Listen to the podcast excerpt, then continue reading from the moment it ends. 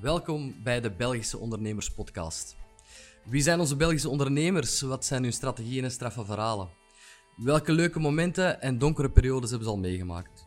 We kennen allemaal de historiek van uh, topondernemers als Mark Koeken, Willy Nases en noem ze maar op. Maar wat speelt er bij de gemiddelde KMO, de kleine zelfstandige of evenzeer de start-up?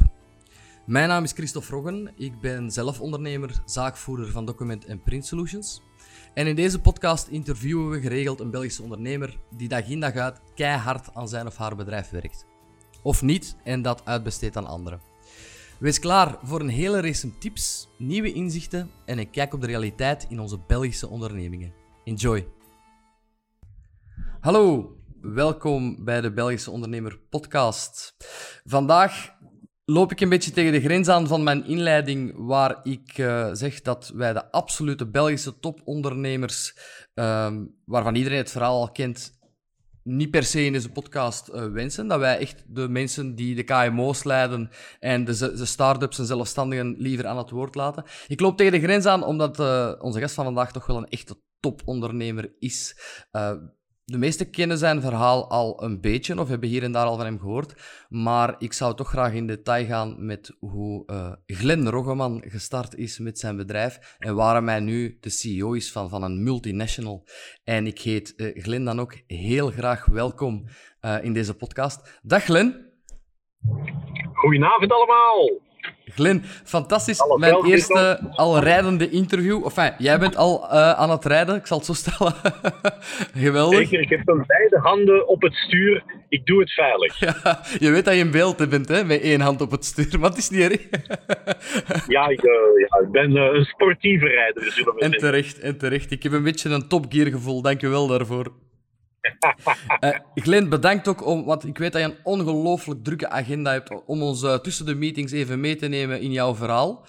Ik uh, ga jou vooral aan het woord laten um, en ik ga starten met de, wat de meesten al wel weten. Jij bent op je 16 begonnen als ondernemer. Eigenlijk van school gegaan, als ik me niet vergis.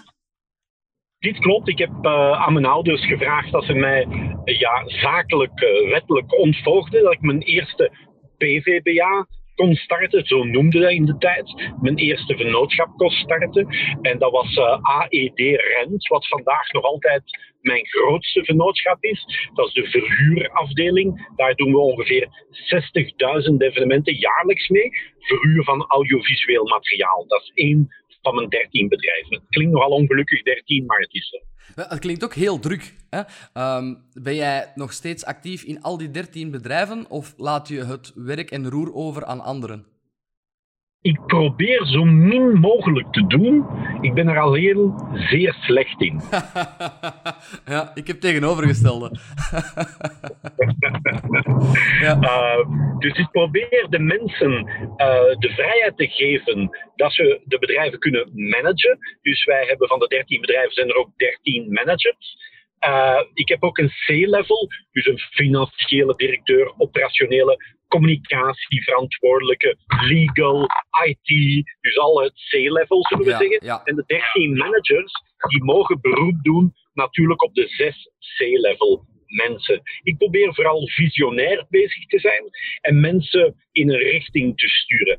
Uiteraard, de algemene structuur, gaat het nu financieel, gaat het operationeel, gaat het in communicatie. Ik probeer toch de algemene structuur, een overzicht te behouden en de C-level mensen en de managing directors te helpen indien nodig. Oké, perfect. Ja, je staat bekend als visionair, lefgozer en, en, en topondernemer. Nu, hoe is dat eigenlijk gestart? Je, bent begonnen inderdaad met AED-rent. Je bent uh, van het principe uitgegaan, iedereen heeft materiaal nodig om zijn feestjes en evenementen te doen. Ik ga hen dat ter beschikking stellen tegen een bepaalde kost. Maar hoe komt dat dat zo snel gegroeid is? Zo snel? Ja, kijk, dat is toch wel al even bezig. Hè? 1985, dat is nu 35 jaar geleden.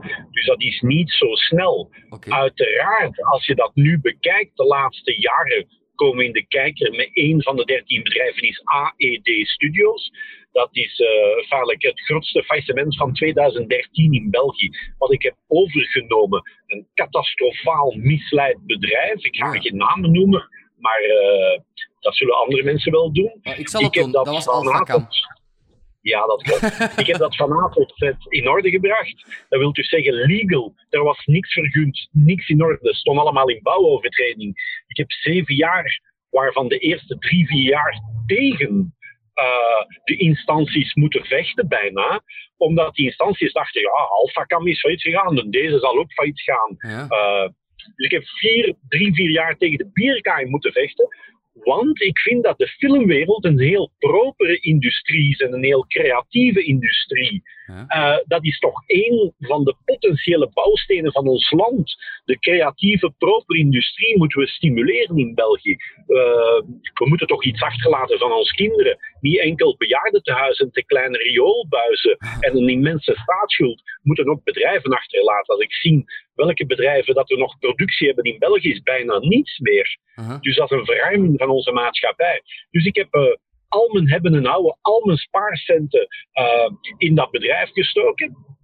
Ik heb ook uh, een, een, verbouwingsplan van 17 miljoen euro afgewerkt daar in een tijdspanne van zeven jaar. Dus daar zijn we juist door. Spijtig dat we nu corona hebben. Ja. Uh, maar ik vind het ook belangrijk dat we als ondernemer ook moeten denken, niet alleen aan geld van ons eigen, maar ook aan toekomst de maatschappij uh, en ons, ja, ons naasten, ons mensen rond ons, en ook ecologisch. Dat is een heel belangrijk iets. Dus ik wil zaken doen in die drie pikkel. En uh, geld is, cru gezegd, ja, het minst belangrijke. Uiteraard moet dat een gezonde balans zijn.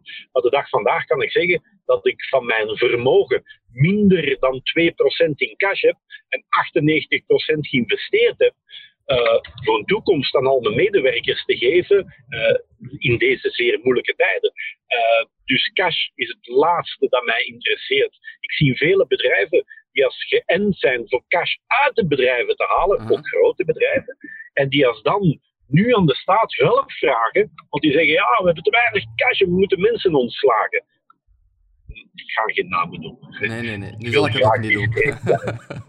ja. Ik heb geen politieke ambities, maar ik wil graag discreet blijven. Ja, want laat ons eerlijk zijn. Eh, bedrijven die nu cash uit hun bedrijf willen halen, ja, de, het politieke landschap en het ondernemerslandschap laat dat ook niet Nee, maar de laatste tien jaar, ik kan tien bekende namen in België uitdrukken, die als we allemaal kennen, die als toch een heel grote cash uit hebben gedaan uit het bedrijf naar, naar de aandeelhouders, zal ik zeggen. En sommige daarvan die staan nu uh, bij de politiek te vragen naar geld. En dan zeg ik, ik vind dat een heel rare zaak. Ja. Want ze zouden beter hun eigen vermogen gebruiken. Ja. Uiteraard, dat hebben ze al opzij gezet, dat hebben ze al veilig. Dus uh, ja, dat is een rare maatschappij, maar dat is gewoon de name of the game en dat is onze maatschappij. Ik hoop dat uh, de kabinetchefs en de politiekers op uh, gepaste momenten daar toch over nadenken en niet blindelings aan sommige grote bedrijven in de evenementwereld uh, geld gaan geven omdat ze nu geld tekort hebben. ik zou toch wel eens de laatste tien jaar nakijken hoeveel belasting dat ze betaald hebben. Dus hoeveel hebben ze bijgedragen aan onze gemeenschap. Dat vind ik heel belangrijk. En hoeveel hebben ze naar hun eigen vermogen gehaald. Dus twee dingen dat heel hard rekening moet gehouden worden als we bedrijven helpen. Ja. Bedrijven die geen belasting hebben betaald in België de laatste tien jaar, vind dat we die ook niet moeten redden. Die dragen niet bij aan onze maatschappij.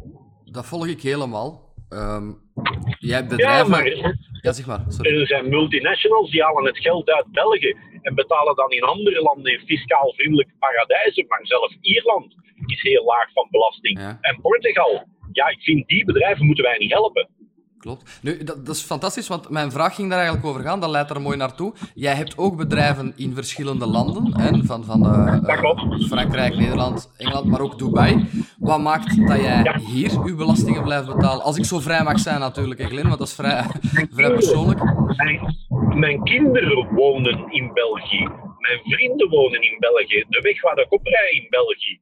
Uh, dus ik vind het logisch dat ik het geld van Dubai naar hier haal. Raar maar waar, iedereen verklaart me zot. Ja. Uh, al vind ik de Belgische fiscus uh, soms geleid door armateurs en die als onredelijke eisen stellen. Als ik naar Dubai vlieg voor zaken te gaan doen, ja, ze hebben over het laatst bij een controle mijn tickets van Dubai eruit gehaald. Ah. Ik zeg, als ik mijn zin sturen, dat betaal ik privé. Maar als ik zakelijk ga, dan wil ik het logisch, vind ik het logisch. Als ik gelden naar België haal, dan mijn tickets mag afgetrokken worden. Dus de Belgische staat is feitelijk, wij hebben te veel ambtenaren, een te log staatsorgaan, te veel mensen bevoegd, maar weinig mensen echt verantwoordelijk. En wordt soms lastiggevallen als bedrijfsleider. Dat vind ik een heel spijtige zaak. Ik hoop dat we door corona kunnen, en ik denk dat de NVA een goede stap aan het zetten is, ik hoop dat we ons land kunnen redden. Want door die ongelooflijke, top-heavy, zware staatsorgaan, ja, daar moeten we aan beginnen te organiseren. Wij moeten met software alles beter maken en efficiënter. Wij moeten niet wachten, bijvoorbeeld met een helikopterbedrijf. Ik wacht zes jaar op een licentie. Uh, zes jaar mijn boeken in orde zijn. Ja. Zes jaar op een vlieglicentie, een officiële luchtvaartmaatschappij. Ja, ik ben nu sinds een maand in Malta bezig. In Malta zeg je, meneer, binnen drie maanden is dat in orde. Ja. Dit is pervers dat de Belgische staat tegenwerkt. Ja. Maar dat komt door vele bevoegdheden en niemand is eigenlijk echt verantwoordelijk. Maar iedereen mag wel zijn mening zeggen. Een veel te log apparaat. Een, een, een, te log, te log, te long apparaat. Kijk, zes jaar voor een vergunning die ze binnen de drie maanden moeten afleveren. Ja. Ah, dat is gekheid op een stokje. Ons ja. staatsorgaan is een misvormd iets. Ik weet dat een heel zware uitspraak is, maar we leven in een nieuwe tijdperk. Coronatijd binnen 100 jaar in de geschiedenisboeken gaan we praten over de pre-corona en de post-corona-tijd. Ik hoop dat elke minister bevoegd dat heel goed beseft. We hebben zes ministers of zeven mondmaskers gehad. Ja, dat is een kolder en humorverhaal van het wegsmijten van belastinggeld. Ja. Ik durf niet zeggen hoeveel honderd miljoenen hebben wij aan tracing en eender. Ik begrijp dat iedereen van de ministers hun best hebben gedaan. Maar in oorlog, en we hebben nu een oorlog tegen virussen, in oorlog gaat toch elke minister niet beslissen welk bom dat we aan een vliegtuig gaan zetten. Dat gaat onze generaal moeten doen. En dat is heel logisch. Dat vinden wij allemaal logisch. Dat een leger heeft één generaal. We hebben dat allemaal geleerd van in onze kindertijd. Maar wel in de politiek raken we niet bekwaam voor één generaal verantwoordelijk te maken, die als dan echt verantwoordelijk is. Ja. Dus iedereen is bevoegd. Dus op een zeker moment moesten we zorgen dat we onze deksel van ons toilet toedoen. En we gingen ons aangeleerd krijgen hoe een mondmasker te moeten maken. Het is schandelijk. dat is inderdaad waar, ja. Het is een, een, een, een, sorry, aan elke minister een grote blaam. Ik vind dit een nationale schande. Dus het is niet nu een uitspraak dat ik de minister slecht vind. Het is een uitspraak dat de ministers moeten starten aan één generaal te maken. Een generaal wanneer we dan een cyberaanval hebben. Dan moeten we ons voor verdedigen in de toekomst. En een generaal voor oorlogvoering tegen virussen. Eén verantwoordelijke departement. Dit is wat ik pleit. En voor de rest mogen alle politiekers doen wat ze mee bezig zijn. Maar in oorlogssituatie hebben we generaal. We hebben een generaal voor virussen nodig. We hebben een generaal nodig, uiteraard, voor de toekomst. Uh, de toekomstige bedreigingen, bijvoorbeeld in IT. Kijk, ehm, heb jij een generaal gevonden in het uh, coronaprobleem? Want laat ons eerlijk zijn, jij uh, verhuurt vooral e-, aan evenementen. AED Studios is een evenementenhal, als ik het zo eerbiedig mag zeggen. Ik bedoel het niet slecht. Wat, dat is van dag op dag naar nul gegaan bij jullie. Wat, wat heb jij daaraan uh, kunnen communiceren? Heb jij de juiste communicatie kunnen voeren? Ik, ik, ik vind, we moeten een pluim ook aan de ministers geven die als besloten hebben de lockdown te doen. Dat was een heel moedige, een heel zware beslissing. Dus de positiviteit aan mij. Mijn hoed af aan elke minister dat dat heeft durven beslissen. Lef. Echt, chapeau. Het was nodig en daar hadden we lef voor nodig. Dit was nodig. Dus wat heb ik gedaan? Ik heb dat in februari zien aankomen. Ik heb een isolator voor mijn helikopter gekocht, een corona of een ebola-couveuse. We bezitten dat. En ik ben ook met mijn bedrijven begonnen naar oplossingen te zoeken in eind februari. En ik ben er na enige zoektocht uitgekomen op UVC-ontsmetting. Dus wij kunnen met alcohol, met een doekje, een bureau van de dokter ontsmetten één keer per dag. Maar ja, na de eerste patiënt dat binnenkomt, is dat nog altijd besmet. Dus we moeten de lucht proberen te ontsmetten en de oppervlakte. Twee gescheiden zaken. Een oppervlakte is het bureau of de tafel of de stoel. En de lucht, ja, dat is wat we inademen. Ja. Ook in maart, uh, in februari waren er onderzoeken in uh, Japan bezig met lasermetingen, dus met zwaar licht, dat je die stofdeeltjes, als we vroeger naar een discotheek zagen we laserschijn in de lucht, als je dat goed bekeek, waren die stofdeeltjes opgelicht. Mhm. Dus met een laser kun je nanodrops in de lucht laten opschijnen, zodat we kunnen zien.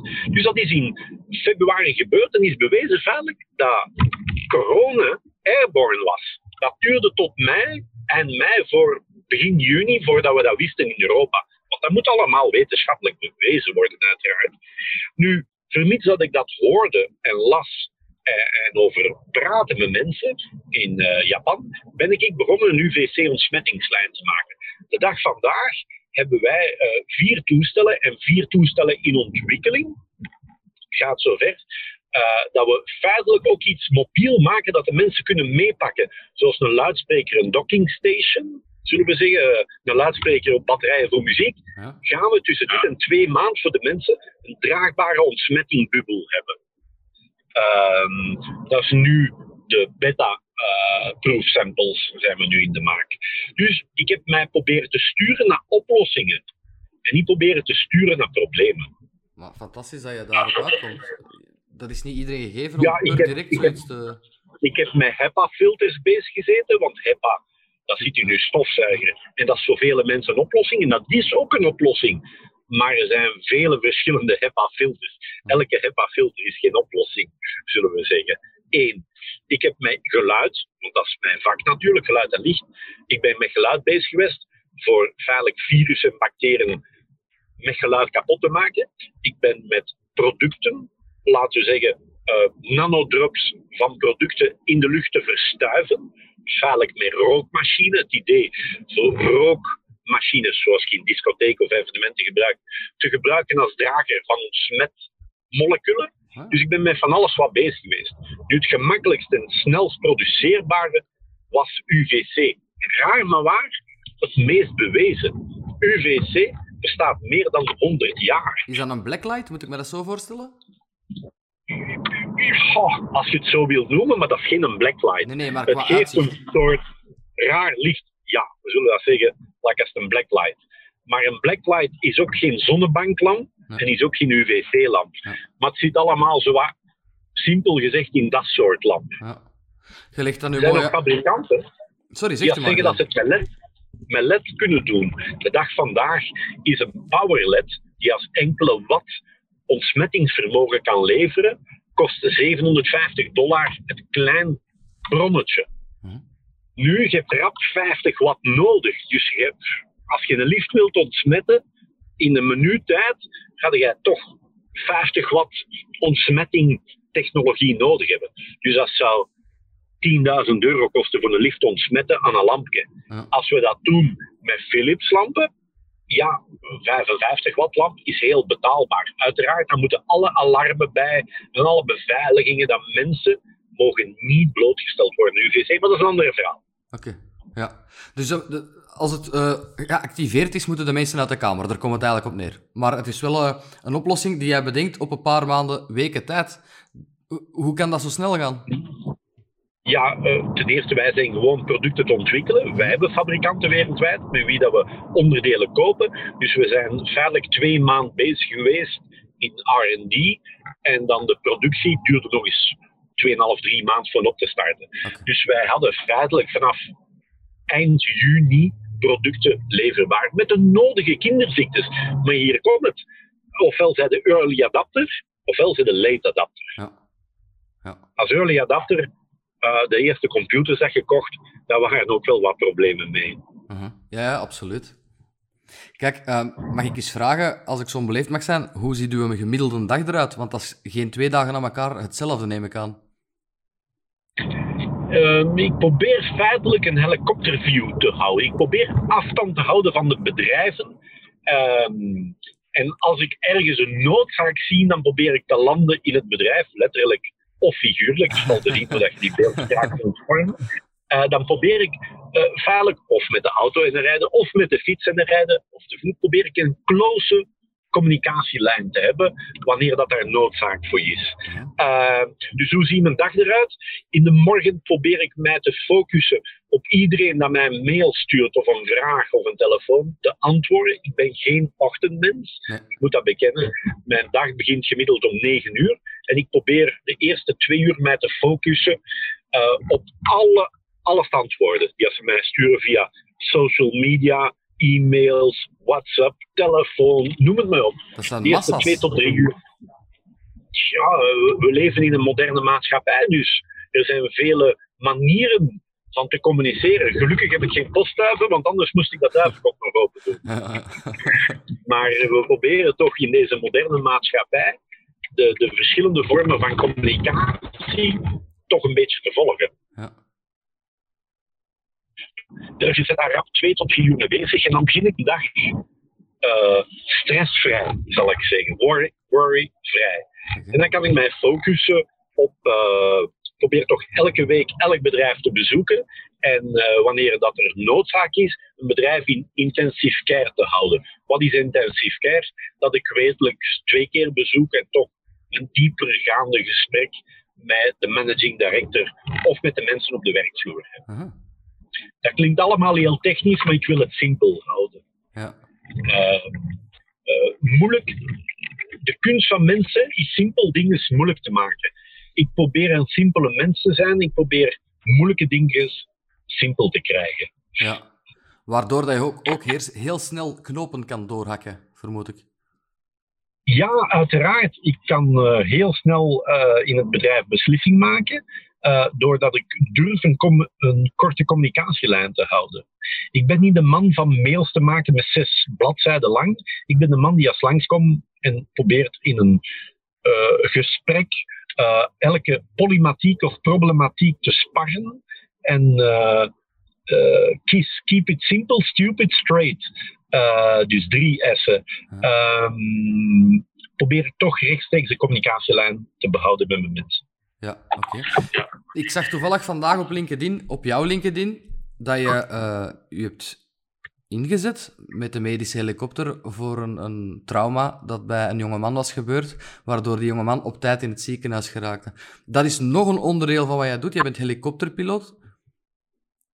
Ja, ik denk, in het leven moet je alles met passie doen. Werk je nu bij Ford aan de productieband, als je daar gelukkig mee bent, je doet dat met passie, dan vind ik u een rijk mens. Als je gefrustreerd bent, want je had dokter willen worden en je staat achter uh, de band, dan ben je een gefrustreerd mens, dan ben je geen goede medewerker. Dus ik geloof, er zijn geen slechte mensen, maar mensen moeten weten wat dat ze willen en moeten handelen naar hun wil. Niet naar mijn wil, naar hun wil. Um, dus alles met passie. Een van mijn passies is luchtvaart. Ik was ooit in Engeland, in het midden van Londen en, en, Londen. Van de ene kant tot de andere kant duurt dat soms vier tot zes uur. Die hebben echt een fileprobleem. Mhm. In België ook al ondertussen. Ja, ja. De A12 is... Uh, Tien jaar later wij ook in België. We zijn modern geworden in België. Dus ik zag daar een helikopter landen in het midden van Klaarstraat in Londen. En ik dacht, amai. Amai, dat straf. Oh, ik, oh, want mijn passie was luchtvaart, maar ik heb daar nooit iets mee gedaan.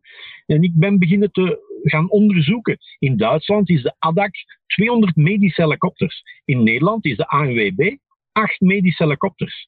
In Frankrijk, in Engeland is de vooral charity. Dus uh, in België, ja, we hadden feitelijk geen medische helikopter.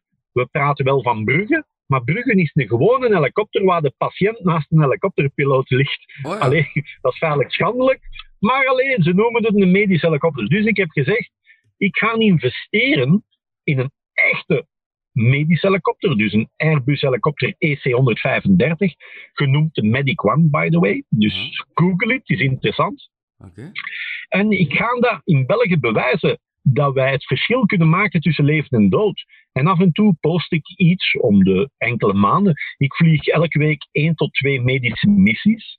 Uh, tot de dag vandaag gebruik ik mijn bedrijven voor een stuk uh, de charity van de medische helikopter te betalen. Want wij hebben dat in een bedrijf gestoken. Maar ja, dat is daardoor verlieslatend. Ja. Dus met AED Studios sponsor ik dat ook een stuk. Met mijn managementfirma sponsor ik dat ook een stuk. Nochtans heeft de fiscus dat verworpen.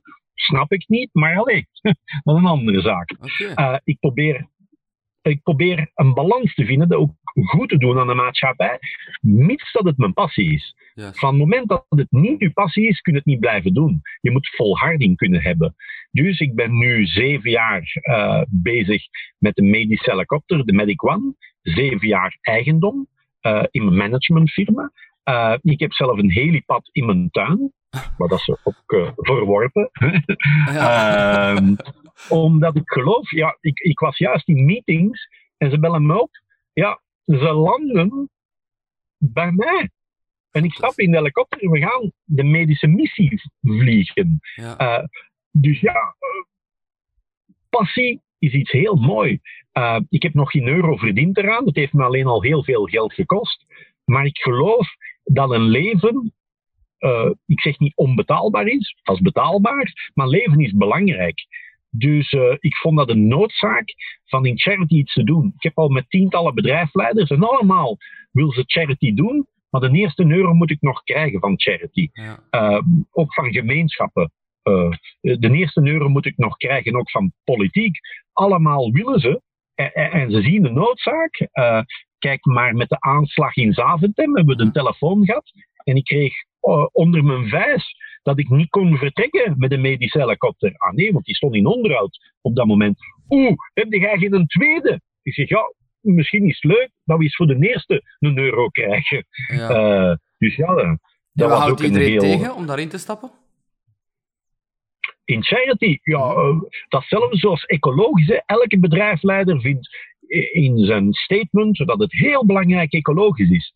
Nu, ik heb de filmstudio's in Lint, volledig ecologisch gebouwd. 7000 ledlampen, uh, zonnepanelen, al het meubilair op site, dat er geen camions moeten rijden, keuken op site, dus op de site. Dus dat is de meest ecologische evenementenhal. Ja, de kleur van het tapijt is belangrijker dan dat een ecologische evenementenhal. In de beslissing van een evenement is de kleur van het tapijt belangrijk. Ja, groen dan, hè? Straf, hè? dat ja, een groene tapijt. Dus dat is straf, dit ja. is een feitelijk predik dat ik zeg in coronatijd. Heren, bedrijfsleiders, laten we samen bouwen. Niet alleen met woorden, laten we iets doen. Allemaal.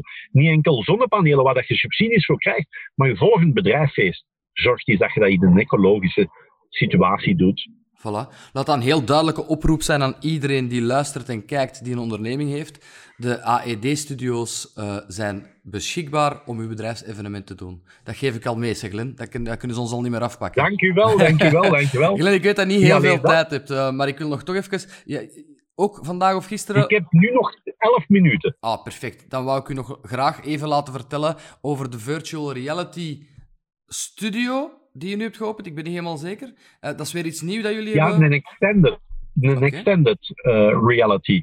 De eerste uh, evenement dat erin gaat gebeuren is, ik denk, de Nationale VOCA met Jan Jan Bon. Ik weet niet of ik dit al mag vertellen, want dat is begin september. dat, is, um, okay, dat is dan een primeur, dank u. dus dat is de eerste setup in extended reality. Wat is het verschil tussen virtual in virtual reality zet je een brilletje op en jij zit in een nieuwe wereld. Alleen. ja, ja. In dus als je een presentatie zou doen met een bril op, ja, dat ziet er niet uit. Uh, in extended reality gaan we feitelijk. Vroeger deden we dat met een groen scherm.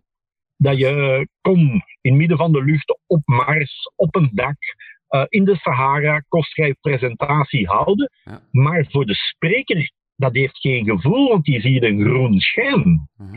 Dus wat hebben wij gedaan? Wij hebben een paar levels daaraan toegevoegd. We hebben ten eerste een camerasysteem op kranen, beweegbaar, dat je rond de man kunt. Wij hebben daarachter niet een groen scherm, maar een super hoge kwaliteit video LED-wall met heel kleine tv-schermpjes, om de millimeter tv-schermpjes, maar miljoenen tv-schermpjes. Mhm. Dus het top van LED-wall zwart, volledig zwart, ook op de grond, dat je feitelijk je presentatie kunt houden in een andere wereld. Juist. Uh, wat nog, we hebben daar supercomputers aan gezet, dat we onmiddellijk kunnen uw PowerPoint projecteren in die wereld. Eendert wat, daar hangen nu een 12 supercomputers aan. Uh, supercomputers dat de eerste drie maanden gedraaid hebben voor bijvoorbeeld uh, vele universiteiten en professors rekensommen voor berekeningen te maken voor corona de vaccin te maken, ah. hebben wij uh, van onze 40 supercomputers, wat het toch, ik denk 3% van de wereld processingcapaciteit ter beschikking gesteld. Dus uh, toch indrukwekkend. Ja. dus die supercomputers, nee, sorry, 400 computers. 12 daarvan hebben we nu in de VR gekoppeld aan een, ja, extended reality. Ik kan het niet beter noemen, extended. Dus je kan erin staan, kunt je presentatie houden, kunt honderden mensen laten inbellen, die kunnen je mee daarin zetten. Interactieve wereld. Tussen acties Amerika hebben ze ook zo ingebouwd. En daar heeft Lady Gaga haar laatste drie videoclips in opgenomen. Fantastisch. Dus als je XR Studio Lady Gaga indrukt, dan zie je ongeveer iets. Maar de, deze staat in België.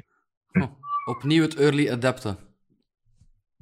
Um, ja, ik geloof dat we in België uh, uniek nog kunnen zijn met technologie, met innovaties, uh, niet met ijzerertsen of ijzer te plooien.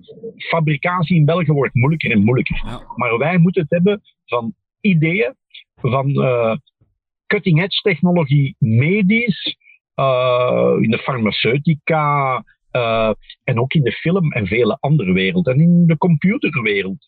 Laten we toch als Belgische bedrijfsleider uh, early adapter zijn. Laten we voorop lopen en niet achterop. Ja, en dan is te hopen dat je ook de steun krijgt van de politiek en, en andere organen die ons daarin aanmoedigen in plaats van tegenwerken. Dat is eigenlijk wat je daar straks ook wou zeggen, hè? Um, um, ik, ik, heb het gevoel dat ik veel steun heb van politiek. Het uh, probleem is onder de politiek staan er ook 1,2 miljoen ambtenaren. Als we kijken bijvoorbeeld naar uh, de filmindustrie te promoten. Uh, de, wij zijn België en ik ben een voorstander dat we België zijn. Maar dan heb jij Screen Flanders en, en Wallimage van de Walen. En, en Brussels, uh, Screen Brussels. Ja. die als allemaal op het filmfestival hun eigen gemeenschap kan voorstellen zijn. Niet te verschieten dat we niet succesvol zijn, want die buitenlanders zitten met ons te lachen. Van plaats als we als één land naar buiten komen, komen we met afdelingsgezind land. Wij zouden reclame moeten maken in de filmwereld als één land. En dan zeggen, ah, wij zijn België, maar wist jij dat we ook ah, Screen Brussels hebben, en Screen Vlaanderen en Wallimage. Wij hebben veel in België voor u te helpen. Nee, we gaan allemaal apart in Cannes uh, op het filmfestival, in Venetië op het filmfestival communiceren. Dat snap ik niet. Wij moeten een zekere trotsheid krijgen over België en een samenhorenheid. Voilà. Stoppen met elkaar te concurreren, maar als één geheel naar buiten komen. Ja, daar raad ik toch ten zeerste aan. Ja. Uh, we gaan de komende honderd jaar gaat heel moeilijk zijn. Of de, laten we het simpel houden, de komende twintig jaar gaan niet gelijk zijn aan de laatste twintig jaar door corona. Corona is een dikke lijn in tijd in onze maatschappij. En als we ons eigen niet heruitvinden, dan heb ik feitelijk medeleven met de kleinkinderen van mijn kinderen. Ja, je ziet het economisch somber in dan? Uh, als we het verder gaan doen, zoals we het hebben gedaan de laatste uh, tientallen jaren uh, met het beleid, dan zie ik het somber in. En ik weet, sommige mensen gaan daar niet gelukkig over zijn in de politiek, maar dat is niet de bedoeling. De bedoeling is een wake-up call van mensen. Wij moeten hervormen. Wij moeten samen dingen doen. Anders gaan we onderdoor.